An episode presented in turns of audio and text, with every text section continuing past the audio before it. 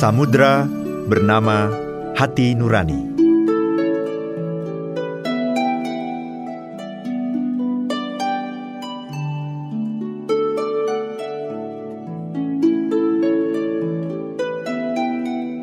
Seorang penjahat yang telah membunuh banyak orang tertangkap dan dibawa ke hadapan seorang hakim yang jujur dan dikenal memiliki integritas yang tinggi.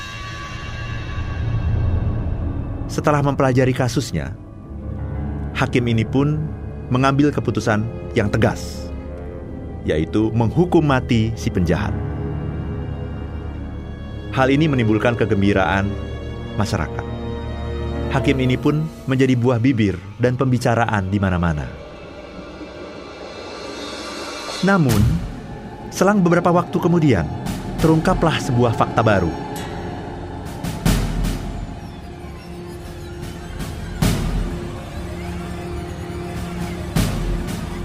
Ternyata, si hakim ini telah mengenal si penjahat sejak 10 tahun yang lalu. Dan mereka berdua terlibat dalam cinta segitiga.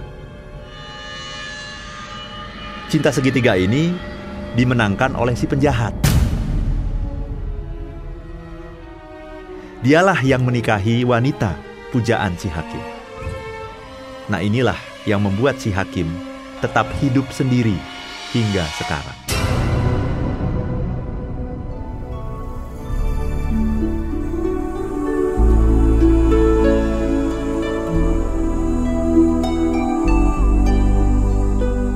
Pendengar yang berbahagia, coba Anda pikirkan baik-baik.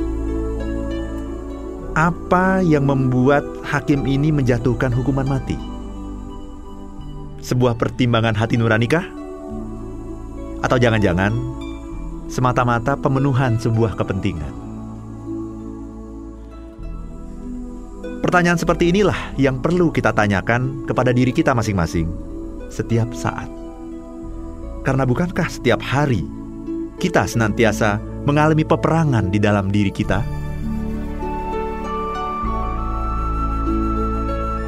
Banyak orang yang mengatakan, "Ikutilah kata hati nuranimu."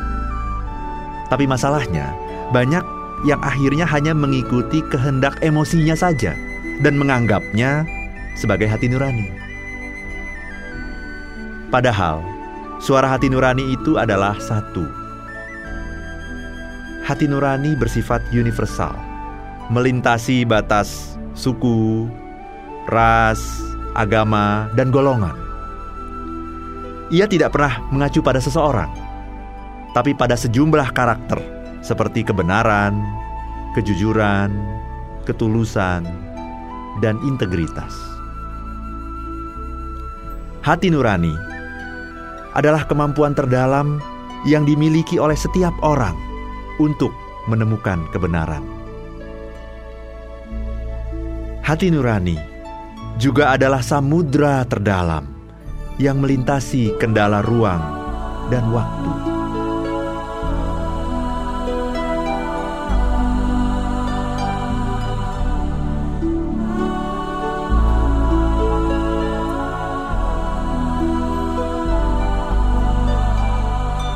Di dalam samudra hati nurani, kita bukan lagi makhluk fisik, tetapi makhluk spiritual.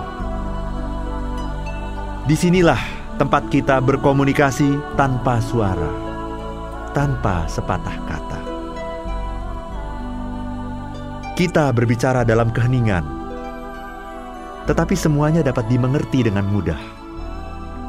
Tak ada salah faham, tak ada perselisihan, tak ada perdebatan Segalanya sederhana dan indah.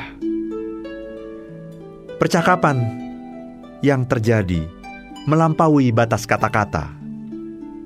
Karena bukankah segala yang indah itu tak dapat dilukiskan dengan kata-kata? Hati nurani bukanlah segumpal daging yang berada di rongga dada kita. Ia tak dapat digambarkan karena memang bersifat spiritual. Ia berada jauh di bawah kesadaran kita. Kita tak tahu di mana persisnya ia berada. kita hanya tahu pintu yang bisa kita gunakan untuk menuju ke sana. Pintu tersebut berada dalam otak kita. Inilah yang disebut Danah Zohar dan Ian Marshall dengan istilah titik Tuhan atau God spot yang terdapat di bagian lobus temporal di otak kita. Penelitian Zohar dan Marshall menunjukkan bahwa bagian ini akan bercahaya begitu kita melakukan aktivitas yang bersifat spiritual. Inilah yang disebut sebagai spiritual quotient atau SQ. Nah, pada saat kita beribadah atau melakukan meditasi, sebenarnya kita tengah masuk ke dalam samudra hati nurani kita ini. Kita menyatukan hati nurani kita bersama hati nurani semua manusia yang ada di jagat raya ini. Kita memasuki samudra diri kita yang sejati. Pada saat kita beribadah, bila ini dilakukan secara khusyuk, kita sebenarnya sedang berjumpa dengan Tuhan. Ini karena kita melepaskan semua kepentingan kita di bumi menuju samudera yang jauh, tempat berkumpulnya semua nurani dengan diri sejati kita. Walaupun merupakan potensi yang dimiliki oleh semua orang, namun tak semua orang mampu menemukan hati nurani karena terhalang oleh kepentingan. Bahkan, kalau kita tidak hati-hati, bisa-bisa kita menganggap bahwa kepentingan itulah hati nurani kita. Kepentingan bisa menjadi begitu besar bagi mereka yang berorientasi jangka pendek. Orang-orang yang seperti ini memandang dunia sebagai satu-satunya tempat memperoleh kenikmatan. Mereka bisa saja bergelar kiai atau ahli agama, padahal mereka sesungguhnya tidak yakin akan kenikmatan yang bisa dicapai secara jangka panjang di alam yang abadi nanti. Karena itu, mereka tidak mau melewatkan kenikmatan jangka pendek. Kalau Daniel Goleman mengatakan bahwa kemampuan menunda kenikmatan adalah ciri orang yang ber-EQ tinggi, saya ingin mengatakan bahwa hal itu sesungguhnya juga merupakan ciri orang yang ber-SQ tinggi. Dan itulah sesungguhnya definisi dosa dalam manajemen modern kan. Kalau definisi dosa dalam agama kan saya kira sudah jelas ya. Dosa adalah ketika kita melakukan sesuatu yang dilarang oleh Tuhan. Tapi kalau dalam manajemen modern, dosa itu adalah ketika kita mendahulukan kenikmatan jangka pendek dan mengorbankan kenikmatan jangka panjang. Nah, dengan berfungsinya hati nurani, tidaklah berarti bahwa kita tidak memiliki kepentingan sama sekali.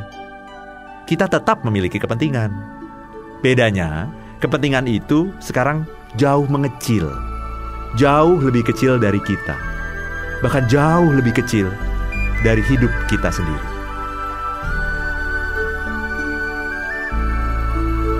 If you wanna be happy, be happy now. Saya Arvan Pradiansyah.